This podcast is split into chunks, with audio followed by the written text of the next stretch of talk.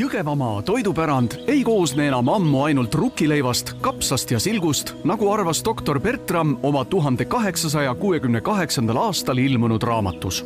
viljakate muldadega Jõgevamaa toit on põllumehele iseloomulikult lihtne. siin hinnatakse jätkuvalt puhast, kuid hästi valmistatud sööki, mille olulisemaks osaks on võimalusel ise kasvatatud tooraine. tohutult palju leidub erinevaid suppe ja pirukaid Peipsi äärt tuntakse kalanduse ja Peipsi kurgi poolest ning Põltsamaa vein ja juust on pika ajalooga. siit pärineb ka legendaarne kartul Jõgeva kollane. vestlust Jõgevamaa maitsete teemal toetab Eesti maaelu arengukava liidermeede tere päevast, oleme stuudios Jõgevamaa koostöökoja esindajaga, et rääkida neljateistkümnendal septembril toimuvast Eesti Rahva Muuseumi ühisüritusest selleks on meil palutud stuudiosse Ülle Jukk, Jõgevamaa koostöökoja kohaliku toidu spetsialist, tere Ülle! tere! ja mina olen saatejuht Juuli Nemvalts.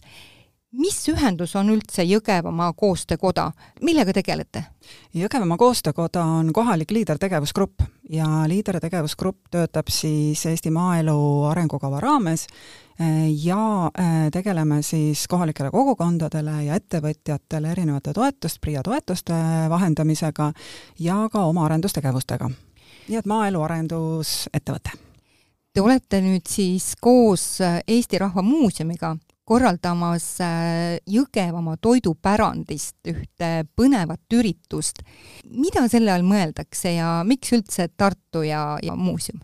See on tegelikult äh, Eesti Rahva Muuseumil päris tore traditsioon, et äh, selliseid piirkondlikke äh, maitsete päevi on varemgi toimunud, et see oli, ma arvan, üks viis aastat tagasi, kui oli Peipsimaa maitsete päev ja Peipsimaa natukene piirneb ju ka meil Jõgevamaaga, järv on ju, järv on ju selleks piiriks, ja sellel aastal siis teeme oma Jõgevamaa maitsete päeva, et see on traditsiooniline vorm, kus on ettekanded äh, siis äh, kohalikust toidupärandist, äh, seejärel on ka väikesed töötoad ja pärast saab siis töötubades tehtud ja, ja, ja veel laua peale jõudnud kohalikku kraami siis ka maitsta.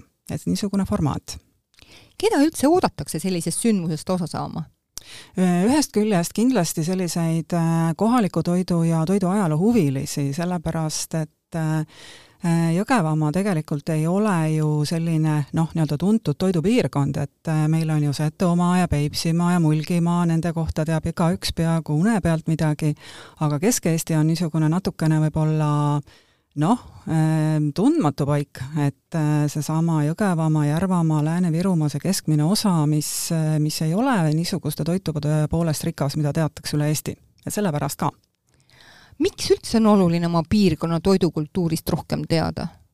see on tegelikult äh, hea küsimus, sellepärast et äh, me oleme nagu harjunud just nimelt nende tuntud piirkondade toitudega ja, ja arvates, et, et noh, sellest nagu kogu Eesti söök nagu koosnebki. tegelikult on igal noh, võib öelda, et igal külal ja, ja igal talul oma niisugune noh, perekondlik traditsioon, piirkondlik traditsioon ja, ja, ja tegelikult need inimesed, kes näiteks ka äh, kolivad uude kohta äh,, ei, ei pruugi ju sellest kohapealsest äh, toidust nii palju teada ja teistpidi see on ka oma juurte teema, et kust me oleme tulnud mis on olnud see, mida meie kandis on söödud ja kasvatatud, äh, näiteks äh, tatra puhul arvatakse, et oo, et, et see on selline uus kultuur ja nüüd need toortatra ähm, tangud ja, ja, ja jahud, et oi, et see on midagi uut ja, ja huvitavat. kas ta ei olegi siis? tatar ei ole sugugi üldse nii väga uus kultuur, et seda Nii. mitusada aastat Eestis kasvatatud, vahepeal lihtsalt või? vähem. et kas või selline näide. see on tõesti huvitav nüanss. jaa, et et, äh, et ka see, et äh, näiteks äh, kama, me oleme harjunud hoida, et kama süüakse igal pool ja et see on niisugune segaviljakama, et et tegelikult Ida-Eestis ja ka natuke lõuna pool Eestis on olnud hoopis kaerakama ja, ja iga piirkond ei olegi seda söönud. ja näiteks ma leidsin ka meie Jõgevamaa toiduajalugu uurides ühe niisuguse toreda munavõi retsepti või, või õigemini tegevuskäigu kirjelduse, kus ei tule üldse mitte keedumuna ära hakkida, vaid hoopiski teha niisugune võib-olla natukene nagu munakreem, munast ja, ja ma koorest. lugesin seda täna hommikul ja see tundus mulle kuidagi nii, ühest küljest nii keeruline mm. -hmm. ja siis ma mõtlesin, et millega see võiks äh, sarnaneda, Ülle, kas te olete ise proovinud seda ma muna? olen seda mitu korda teinud, et Aa. et ta on ta on ikka soolane siis ta on ikka soolane, ikka munavõi on ikka soolane, ja ta ei ole üldse mitte mingisugune keedukreem?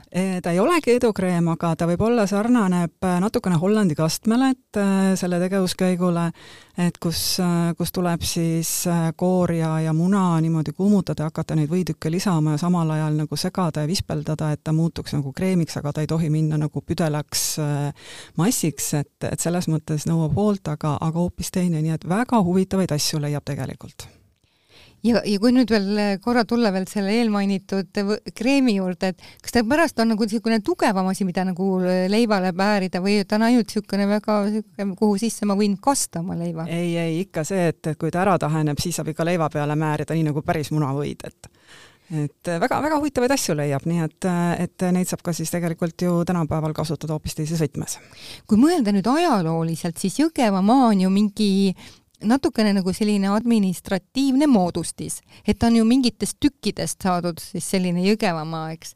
kas on üldse olnud mingit ühist toidutraditsiooni selles piirkonnas või on hoopis mingid erisused? tõepoolest, et Jõgevamaa ei ole niisuguse nii-öelda pika ajalooga ühine territoorium, et, et meil on Põhja-Tartumaa, meil on siis äh, Viljandimaad üks jupp, ja, ja ülemine Vägevapoolne ots on koguni Virumaalt, et äh, aga noh, põhiline osa on siis jah, Tartumaa ja Viljandimaa. et päris sellist ühist nimetajat kindlasti ei ole, et sellepärast, et meil on see põllumajanduslik sisemaa ja siis on meil Peipsi äär. Ja, ja Peipsi äär on ju tuntud kui selliste noh, ütleme vähemalt kolme-nelja kultuuri seguna, et kus on ju vene vanausulised ja ja nii edasi, et, et selles mõttes sealne traditsioon ja ühtlasi ka ju maakasutus, kuna sealne maa ei olnud viljakas, nii nagu keskmaa, et nende kalandus ja hiljem köögiviljandus on ju need, mis, mis teevad hoopis selle kandi eripäraseks, nii et, et meil on siis siis selline keskosa, niisugune puhas põllumajandusala, kus on viljakasvatus peamiselt ja, ja siis on see Peipsi äär kõik oma kalanduse ja, ja muuga. kas on ka midagi sellist, mis teid ühendab, mingi sellised toidu, mingi toit näiteks, mida läbi aegade on söödud? see on tegelikult üks väga huvitav küsimus, just nimelt jälle sinna ajalukku kaevudes, et kolmekümnendate mälestusi lugedes arhiivist, see on siis, kui tehti, etnograafid tegid välitöid või siis olid kirjasaatjate kaastööd siis Eesti Rahva Muuseumile, et sealt siis kohtab tohutult palju lugusid kiisakalast.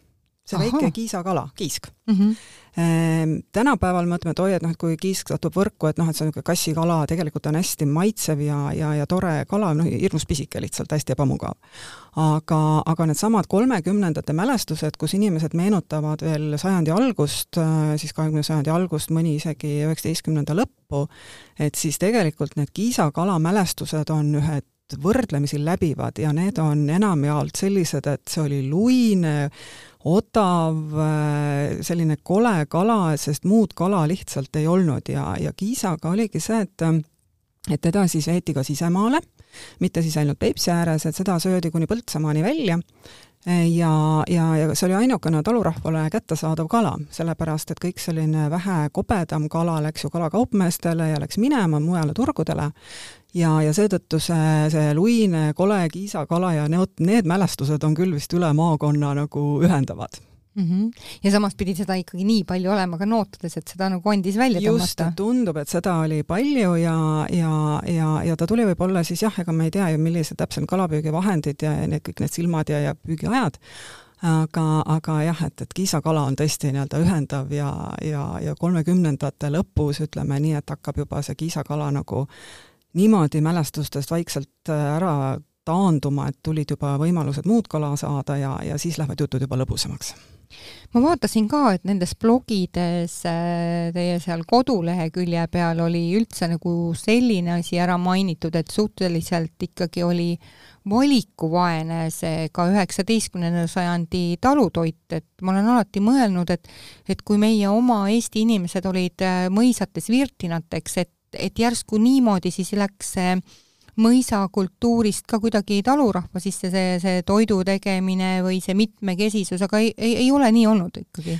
Tegelikult see on jälle niisugune päris võib-olla eh, noh, ütleme, et mit-, mitmetahuline küsimus, sellepärast et et ühest küljest, nii nagu ma ütlesin, et see põllumajanduslik sisemaa, et tegeleti oma, oma maa harimisega ja, ja, ja söök oli selles mõttes võib-olla natuke teisejärgulisem.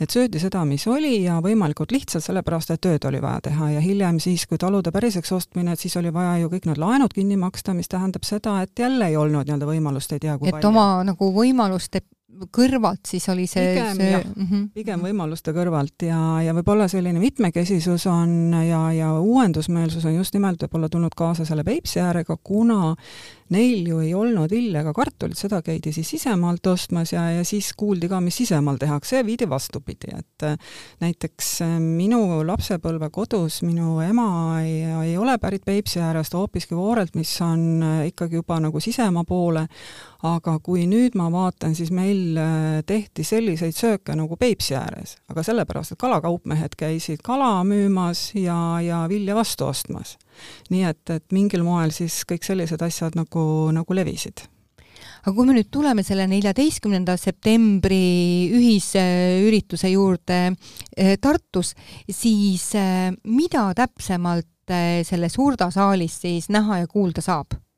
nii nagu ma algul ütlesin, et meil on niisugune formaat, kus on alguses ettekanded ja seejärel töötoad ja ettekanded on jagatud siis kolmeks, et ühed siis käsitlevad sellist toidupärandi osa nii-öelda ajaloo poolt, äh, seejärel äh, me räägime ka Jõgeva sordiaretusest, sellepärast et see on meie au ja uhkus üle saja aasta olnud, ja kolmas pool nendest ettekannetest on siis ühistegevusele, sest meil on Põltsamaal hästi tore mesinike selts, sest Põltsamaal niisugune seltsi tegevus on ju noh, ütleme nii, et ega siin saja viiekümnest aastast palju, väga palju enam puudu ei ole, et, et kunagi oli põllumeeste selts, aianduse mesinduse selts, nüüd on mesinike selts, et et nemad on pika traditsiooniga ja otid on ju tänapäeval hästi populaarsed ja Käepa-Ott on meil viis aastat tegutsenud, niisugune kohalik äh, siis väiketootjate ühendus ja nad iga nädal teevad oma kaubaõhtut, et, et siis on, siis on ka see pool esindatud ja pärast siis jah, need töötoad ma olen täiesti nõus, Ülle, et Jõgevamaa sordiaretuse tegevusest nagu ei saa kuidagimoodi Eestis mööda vaadata, et äh, aga millist rolli üldse Jõgevamaa mängib meie toidulaua kujundajana? Ehm, minu meelest on üks tore vastus näiteks tuhande üheksasaja kahekümnendate aastate ja kolmekümnendate aastate seemnekataloogides. noh, nii nagu olid sellised brošüürid, kus siis oli, et mis, mis köögiviljade, lillede ja kartulite, mis iganes seemet siis on võimalik osta, hinnakirjad ja kõik muu. ja näiteks kartuli puhul on seal eraldi peatükk, kus siis on äh, tollel hetkel veel ei olnud, see kahekümnendate algupoole ei olnud veel oma sorte ja, ja siis äh, soovitati tervet suurt hulka erinevaid kartulisorte, aga täpselt muldade kaupa, et kas see sobib Kesk-Eestisse, kas see sobib Lõuna-Eestisse, kas see sobib Põhja-Eestisse või, või midagi muud. ja kolmekümnendatel hakati seda äh, nimekirja kõvasti kokku tõmbama, sest selgus, et ega noh, ütleme, katsetused on üks asi, aga see, mis praktika välja tuleb, on nagu teine asi.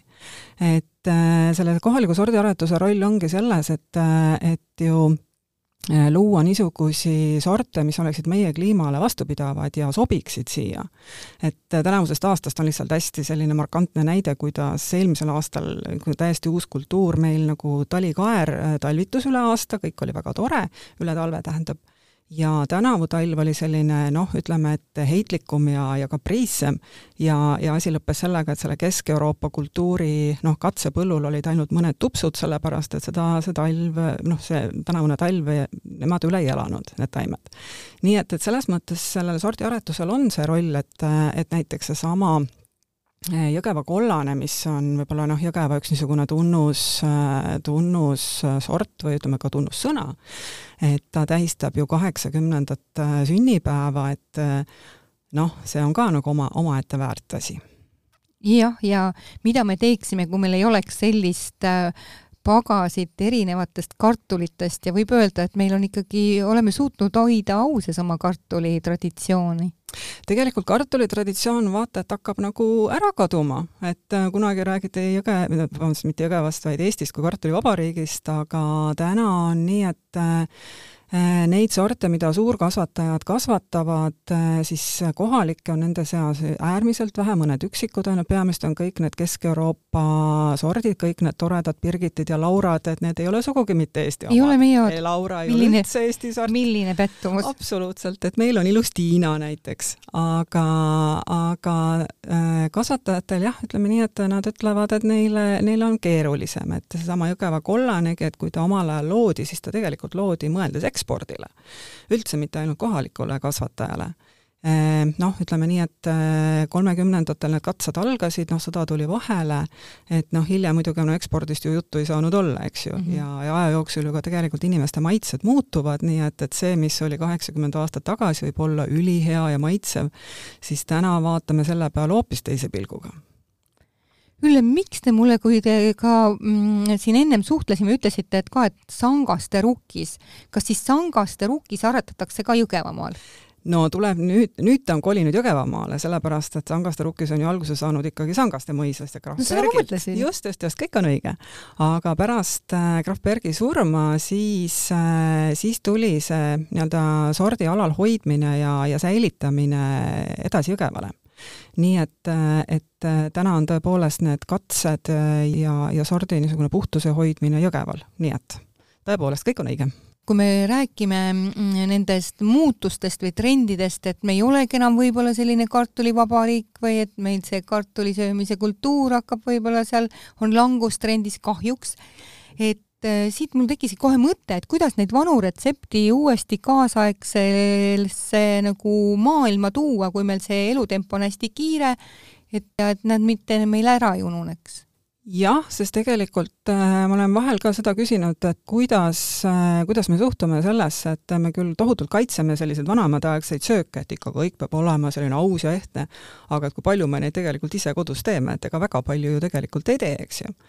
ma jälgin äh, Facebookis väliseestlaste ühte gruppi ja, ja seal on selles mõttes nagu hästi huvitav, et need, kes on juba kohati võib-olla kolmanda või neljanda põlve järeltulijad, nemad räägivad, isegi nemad räägivad veel sellest samast rosoljest ja kringlist ja, ja, ja süldist, millest siis nende noh, neljakümne neljandal ära läinud esivanemad ja, ja kusjuures äh, seesama rosolje retsept või kringli retsept tekitab alati tohutut diskussiooni, pühade aeg eriti. et siin me võib-olla täna nagunii isegi enam ei diskuteeri selle üle, et kas see on õige või vale, pigem on see, et äh, päris selliseid ajaloolisi retsepte on iseenesest väga raske äh, reprodutseerida tänapäeval, sest tooraine on muutunud, inimeste maitse on muutunud ja kui veel noh, ütleme nii, et, et minna kuhugi sinna kaheksateistkümnenda sajandi retseptidesse, kus ütleme, see soolane magus ja vürtsikas, need olid üldse pea peale pööratud, kus noh, näiteks needsamad verivorstid olid ohtrate nii-öelda importvürtsidega ja, ja kohati mõned ütleme, et soolased toidud, mis meie jaoks on täna soolased toidud, võisid olla poolenisti magusad või, või mingid hoopis selliste teiste maitsekombinatsioonidega. et jah, ütleme, maitseme ära, ütleme, see oli huvitav ja kogu lugu. aga pigem võib-olla seda toorainet jälle avastada, mis kunagi oli kas kasutusel, sellest, sellest saab teha ju ka nende vanade retseptide ainetel, noh, selles mõttes, et koostisosad võivad ju olla ka sarnased, aga me võime seda, ütleme, vahekordi muuta ja võib-olla tekitada mõnda teist maitset ja ja et, et oluline pigem on see, et äh, säilitada seda isetehtud äh, söögitava, et inimesed oskaksid süüa teha, see on võib-olla kõige tähtsam selle juures. ma arvan, et see on õige mõte praegusel ajal tõesti et kas või, et see jääks alles. just, just mm. -hmm. ma veel tooksin seda neljateistkümnendat septembrit meile siia vestlusse tagasi, et ma tean, et teil on ka töötoad, aga ja mille, millega need tegelevad või mida saab õppida või vaadata? Äh, kaks töötuba nüüd kindlasti, üks ongi pühendatud nii-öelda kartuli rehabiliteerimisele, ehk et äh, taevale tänu! Absoluutselt, äh, sellepärast et just needsamad Eesti kartulisordid, et kuidas, kuidas nad käituvad, kui neid keeta, kui nad siis nii-öelda seisavad, kuidas nad maitsevad, milline on nende tekstuur, kas nad on jahused, on nad siis sellised tänkjamad, et Ehm, tihtipeale just nimelt neid äh, sorte, noh, ütleme, et kui ei ole tuttav, siis igaks juhuks ei proovi, eks ju, eriti poest ostes. Ja, ja selles mõttes äh, ongi nii-öelda seesama kartuliteadur ise kohal, kes, kes siis nii-öelda selgitab ja tutvustab äh, seda, et milline siis need Eesti kohalikud kartulisordid on. et sugugi mitte Laura pole, pole, pole siis ainukene kartul, mida kuskilt taga ajada seda on väga hea teada. mul on ainult üks küsimus, et kas see on ka tasuline või kuidas nagu osalejad sinna saavad? Äh, üritus on tasuta, äh, selles mõttes ei ole tasuline ja peagi tuleb info üles siis nii Eesti Rahva Muuseumi kui meie Jõgevamaa Koostöökoja kodulehtedele, kus siis avatakse ka registreerimine, et siis, et see on eelregistreerimisega? see on eelregistreerimisega, et siis me lihtsalt teame ka inimeste hulka ja siis saab ka ära märkida oma eelistused, kumba töötuppa soovitakse, sest teine töötuba on siis äh, kala teemal ja, ja kuidas siis teha häid äh, kalakotlette. et äh, kalakotlett on ka selline, et sõltub, kui palju sinna panna kala ja kui palju sinna panna muid aineid, et võib Aha. saada kalamaitselise kotleti, aga võib saada ka hoopiski mitte kalamaitselise kotleti. jaa, see on, kõlab ka väga intrigeerivalt. et, jah, et, et kala, kala töötlemine on ju meil, meil maakonnas väga au sees, et, et selles mõttes proovime siis niipidi.